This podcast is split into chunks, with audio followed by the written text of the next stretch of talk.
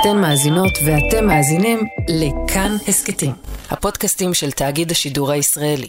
בסוף השבוע האחרון, כל העולם עקב אחרי בלון, בלון סיני. It is not the moon. The moon is right there. That is something weird. ימים שלמים הוא ריחף בשמיים, טס לו מעל האוקיינוס השקט, טייל קצת בקנדה, עד שהוא הגיע למחוז השלב, קסקייד במונטנה.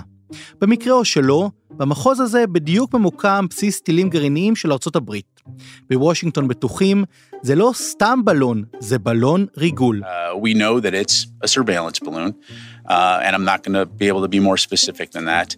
Uh, we do know that the balloon has violated U.S. airspace and international law.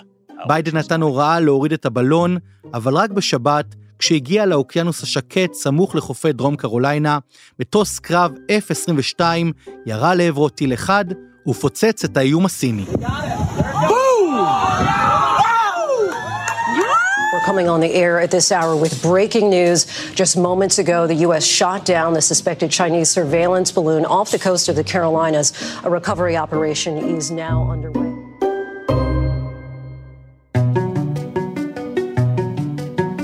שלום, אני עמיחי שטיין, ואתם מאזינים לעוד יום, הסכת האקטואליה של כאן. הפלת הבלון הסיני סימנה שלב חדש בעימות של וושינגטון ובייג'ינג. הרגע הזה שבו צבא ארצות הברית הפיל כלי ריגול של סין, ארבעה ימים אחרי שזוהה לראשונה, הזכיר לכולם שבזמן שכולנו מדברים על רוסיה ואוקראינה, את אמריקה מטרידה מדינה אחת יותר מכולן, סין. היום נרחיב על העימות בין שתי המעצמות ובאילו מישורים הוא מתבטא. נעשה את זה בעזרת גליה לביא, חוקרת סין וסגנית ראש מרכז גלייזר למדיניות ישראל-סין במכון למחקרי ביטחון לאומי, ועם הפרשן לביטחון ומודיעין של עיתון הארץ יוסי מלמן, מחבר הספר מרגלים לא מושלמים, נדבר על פרקטיקות של ריגול, ולמה בשנת 2023, בעידן של לוויינים וסייבר, יש צורך להפריח בלון לשמיים. שלום גליה. שלום רב. אז בואי נתחיל ממה שאנחנו יודעים לומר על האירוע עצמו. איך כל סיפור הבלון הזה מתחיל?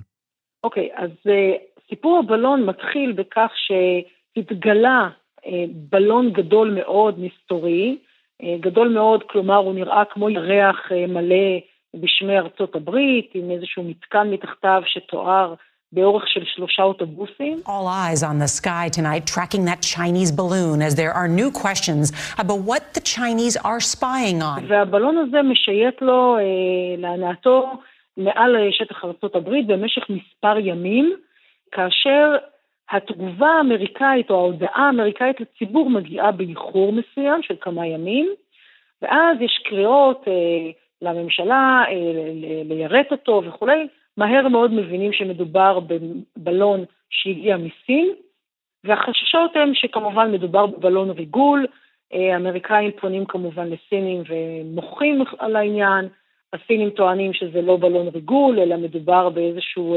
מתקן אזרחי שהוא משמש למעקב ובעיקר לצרכים מטאורולוגיים. ממשל ביידן מחליט לא ליירט את הבלון הזה מעל שטחי אוכלוסייה, כדי לא לגרום לנזק. On Wednesday, when I was briefed on the balloon, I ordered the Pentagon to shoot it down on Wednesday as soon as possible.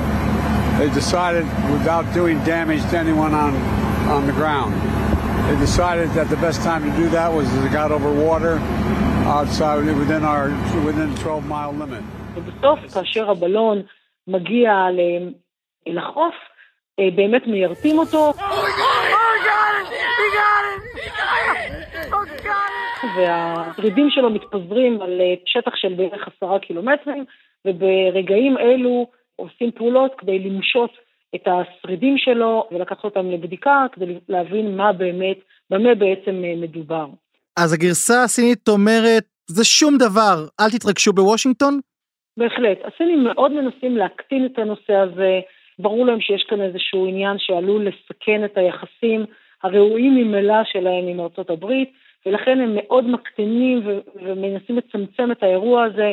זה לא משהו צבאי, זה משהו אזרחי, זה טעות, אנחנו מתנצלים, אה, איבדנו שליטה, אה, אנחנו מביעים חרטה ומבקשים הברית לשמור על קור רוח. אלה המסרים שנשמעים אה, מבייג'ינג.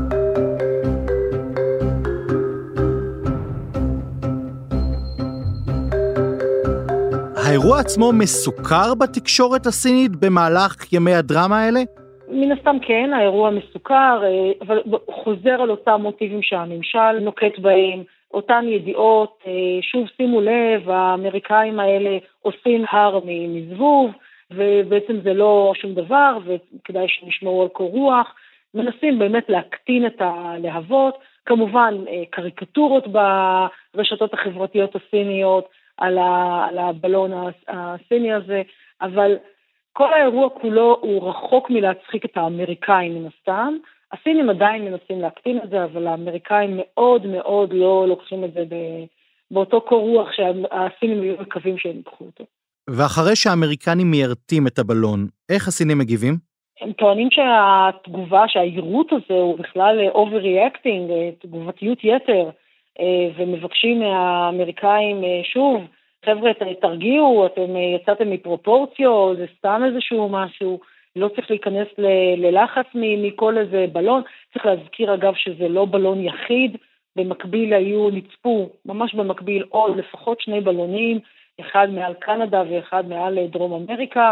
אחד התגלה אחר כך שבאמת הוא רלוונטי לנושאים של מטאורולוגיה, והשני, אני כבר לא זוכרת במה זה היה, אבל אה, ומתברר עם הזמן, פתאום גילינו, ככל שהימים נקפו בזמן מהלכו של הבלון הזה, מתברר שזה גם לא פעם ראשונה שבלונים סינים אה, חודרים את המרחב האווירי של אה, ארצות הברית, והפנטגון עצמו טען שבתקופת ממשל טראמפ לא פחות משלושה בלונים כאלה התגלו.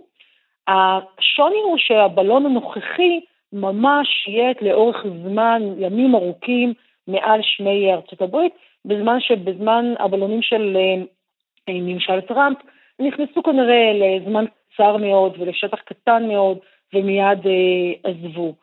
כך שהייחודיות של האירוע הזה היא באמת בתקשורתיות שהוא קיבל, המקום שנתנה לו התקשורת, ויכול להיות שגם הטיימינג משחק פה תפקיד בתקופה שבה התקשורת האמריקאית היא מאוד מאוד, בוא נגיד, רגישה לנושא הסיני, וכמובן גם הפוליטיקאים האמריקאים משני הצדדים.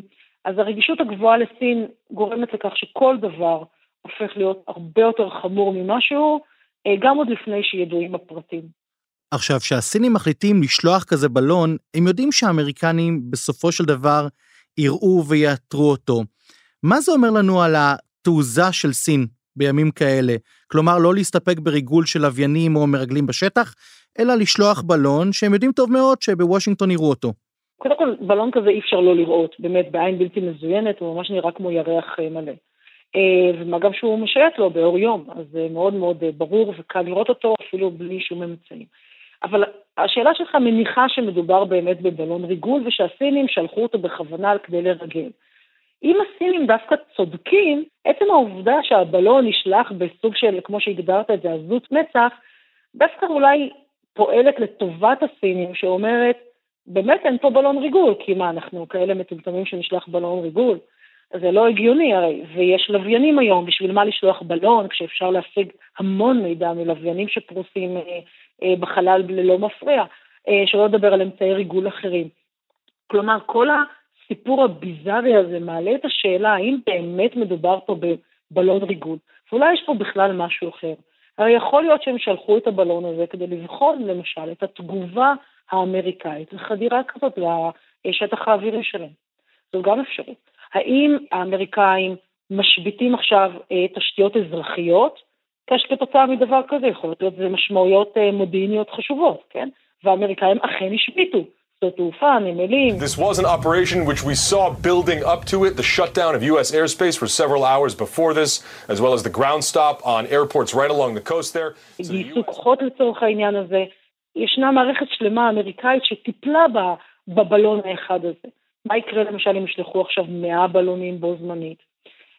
אלה, אז זה הכל השערות כמובן, זה הכל ספקולציות כאלה, אבל אלה גם יכולות להיות אפשרויות מעבר לבלון ריגול. כלומר, הבלון עצמו יכול להיות שהוא תמים לחלוטין, אבל האירועים סביבו אולי הם המוקד שחשוב היה להם אה, להתמקד בו, ואולי זה באמת בלון אזרחי מטאורולוגי לחלוטין.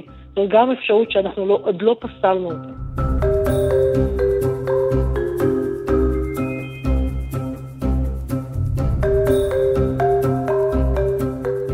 עד כמה הסינים בכלל פנויים לעימות עם האמריקנים או לאיזה דו-קרב עכשיו בזמן שהכלכלה שלהם מדשדשת? הכלכלה היא לא הגורם היחידי, בואו נקרא לזה, שמונע מהסינים להגיע לדו-קרב, איזשהו תרחיש צבאי, לעימות צבאי. עימות צבאי כלשהו בין סין לבין ארצות הברית, ברור לחלוטין לפי אה, אה, כל מיני תרחישים שנעשו כבר, שהוא יהיה עקוב מדם משני הצדדים. ולכן גם שני הצדדים לא מעוניינים להגיע לשם. המלחמה הקרה ביניהם, אם תרצה, אה, חמורה מספיק, אה, גם עכשיו, גם בלי להגיע למצב של אה, מאזן דמים.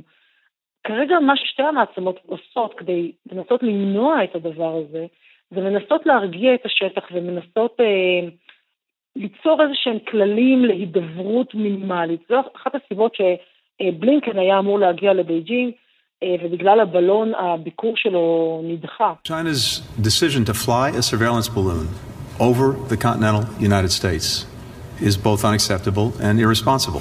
What this has done uh, is created the conditions um, that undermine the purpose of the trip. בלינקן היה אמור להגיע לשם כדי בדיוק לשרטט את הקווים האלה, להמשיך את השיחה שהייתה לנשיא סין עם ביידן בנובמבר, להמשיך באותו קו שהוא לא אגיד מפייס, אבל בוא נגיד שמנסה לעשות סדר בתחרות, לשים את הקווים האדומים לתחרות. איפה אנחנו נכנסים ואיפה בעצם קו המותניים שמתחתיו אתה לא מכה, איפה קו החגורה.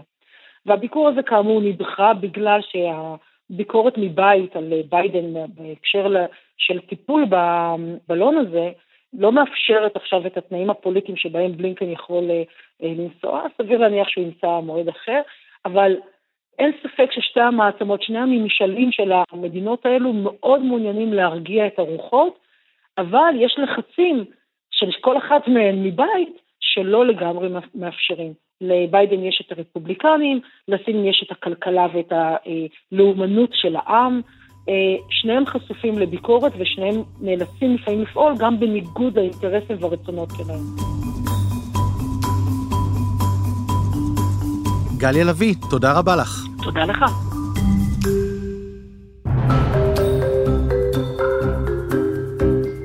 ועכשיו בואו נדבר על הבלון שבחדר. למה סין שולחת אמצעי שהוא לכאורה פרימיטיבי לרגל אחרי המעצמה החזקה בעולם? שלום לך יוסי מלמן. שלום עמיחי. קודם כל, מתי בפעם הראשונה בהיסטוריה התחילו בכלל להשתמש בבלונים כאמצעי ריגול?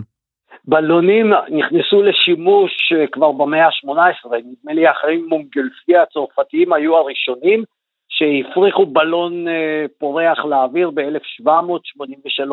הסינים כבר במאה השנייה והשלישית חשבו על, ה, על הרעיון הזה, אבל לא מימשו אותו.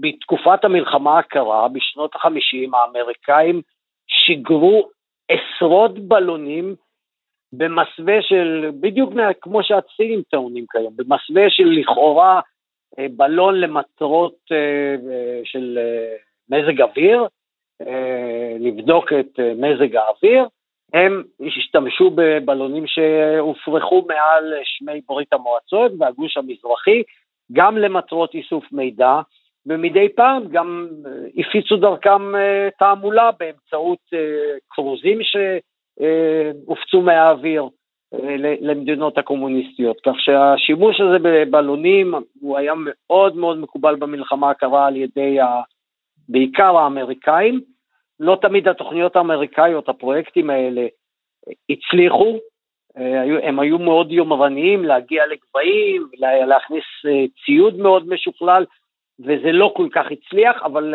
אבל בכל מקרה היו כמה, גם הצלחות אמריקאיות של, אה, של שימוש בבלונים. היום פחות, האמריקאים לא משתמשים בבלונים האלה, כי יש להם את הלוויינים, אבל אני מניח שלצבא ארה"ב יש גם אה, בלונים בצורה כזאת או אחרת שבהם הם משתמשים מדי פעם. יש להם יתרונות ויש להם גם חסרונות, גם בעידן המתקדם הזה של הטכנולוגיה והלוויינים ומטוסי הצילום. אז מה היתרונות של בלון ריגול על פני אמצעים אחרים? יתרון אחד שהבלון יכול לעמוד באותו מקום, מעל אותו מקום. זאת אומרת, הוא יכול למקד את החיישנים שלו, את המצלמות שלו, משהו יש על הבלון הזה לאיזו מטרה, הוא ממקד את זה על הנקודה שהוא רוצה לאסוף עליה מידע או לרגל או להאזין, ולעומת זאת לוויין ריגול ש, שמשייט בחלל יכול לעבור על הנקודה הזאת פעם אחת או פעמיים, אבל לא יותר. מה אנחנו יודעים על הבלון הספציפי הזה, על היכולות שלו? זה בלון שעלה לגובה של כמעט 20 קילומטר, 60 אלף אה, רגל, שזה פי שניים מרום הטיסה של מטוסי נוסעים. שולחים את זה גם עם מצלמות אופטיות שמצליחות להתמקד על המטרה, וגם עם חיישנים להאזנה ומה שנקרא סיגינט, מודיעין קולות. אנחנו יודעים שהם אה, התמקדו במטרות של יעדים אסטרטגיים אמריקאים, כמו אתרי טילים במונטנה, אתרים גרעיניים. עכשיו, אה, לכאורה זה נראה טיפשי, מדוע צריך אותם כשהם אה, מעל, כשיש את הלווייני ריגול, אבל כאמור, יש להם ייעודים ספציפיים שעדיפים על, בנקודות מסוימות על פני לווייני ריגול, וחוץ מזה זה יכול היה להיות גם בדיקת ערנות. שלחו אותם כדי לבדוק עד כמה מערכי ההגנה האווירית והמודיעין אה, ההגנתי האמריקאי הוא, הוא קשוב וערני ומצליח לאתר את זה. אתה חושב שבלון הריגול הסיני מסמל עידן חדש, שפתאום חוזרים לאותם בלוני ריגול? אולי ישראל פתאום תתחיל להשתמש בבלונים כאלה? ישראל משתמשת בבלונים, אבל הם מעוגנים בקרקע. הסכנה הגדולה, שאתה מאבד שליטה עליהם. ולכן אני לא מניח שישראל אה, תשתמש בבלונים שתשגר מעל אה, סוריה או, או איראן והם עלולים ליפול, ואז גם אה, אתה חושף את היכולות שלך ובעיקר את הציוד שנמצא על הבלון הזה כשאתה מפיל אותו. ולכן אני מאוד סקפטי אם ישראל תשתמש בבלונים מעבר לבלוני התצפית שאתה יכול לראות אותם בנגב וגם בצפון יש בלון כזה, צה"ל עצמו הודיע על כך שהם בשימוש של צה"ל, אבל אה, מדינות אחרות בהחלט יכולות להשתמש בזה, אבל זה מעיד בעיקר על התעוזה הסינית. אה, איך נאמר, הם עושים את זה מהמקפצה. מה, בעידן הזה, בעת הזו שבה יש מתיחות כל כך גדולה בין ארצות הברית לסין, בכל מיני נושאים, בנושא של אוקראינה, בנושא של טיוואן, בנושא של האוקיינוס השקט, המאבקים על האיים סביב סין וגם הרחק מגבולותיה. רק עכשיו האמריקאים הודיעו שהם עובדים לתגבר כוחות בפיליפינים, ולכן זה מעיד על תעוזה סינית ועל זה שכנראה מריחים חולשה של, של ארצות הברית, של הממשל של ביידן.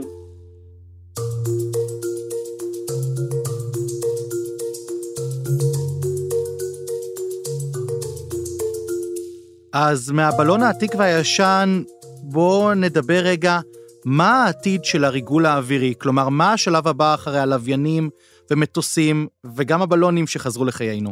אני חושב שלווייני ריגול, אולי חלליות שמשייטות בחלל לא רק למטרות מחקר, וכמובן מטוסים, הם, הם האמצעים היעילים ביותר, והיום המטוסים הם גם חל...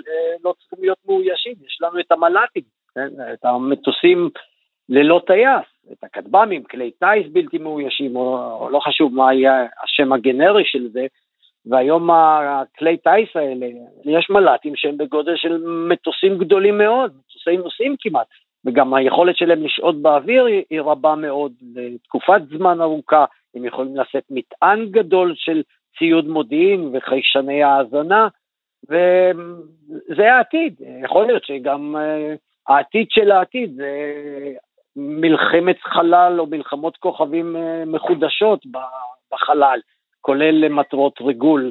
יש לייזרים שאתה יכול להשתמש בהם אה, בחלל, כך שהשימוש באוויר כפלטפורמה לריגול תלך ותתחזק ותגבר, ואולי גם באיזה שילוב של לוחמת סייבר. אה, זאת אומרת, לוחמת סייבר על הקרקע עם לוחמת אה, מודיעין אה, בחלל או באוויר. יוסי מלמן, תודה רבה לך. תודה לכם. האזנתם לעוד יום. העורך הוא דניאל אופיר, עיצוב קול ומיקס רחל רפאלי, ביצוע טכני חן עוז ואלכס רזניק. בצוות עורכי עוד יום, גם יותם רוזנבלד. היה לכם מעניין? אז קדימה תשתפו את הפרק. אם אתם מאזינים לנו בספוטיפיי או אפל פודקאסט, נשמח אם תיתנו לנו דירוג גבוה. הערות על מה שאמרנו, אתם מוזמנים ומוזמנות לכתוב בקבוצת כאן הסכתים בפייסבוק. אפשר גם בחשבון שלי בפייסבוק או בטוויטר. פרקים נוספים של עוד יום עולים בכל יום ראשון, שלישי וחמישי. את כולם וגם הסכתים נוספים ואת כאן תוכלו למצוא בכל מקום שבו אתם מאזינים להסכתים או באתר שלנו. אני עמיחי שטיין, נשתמע.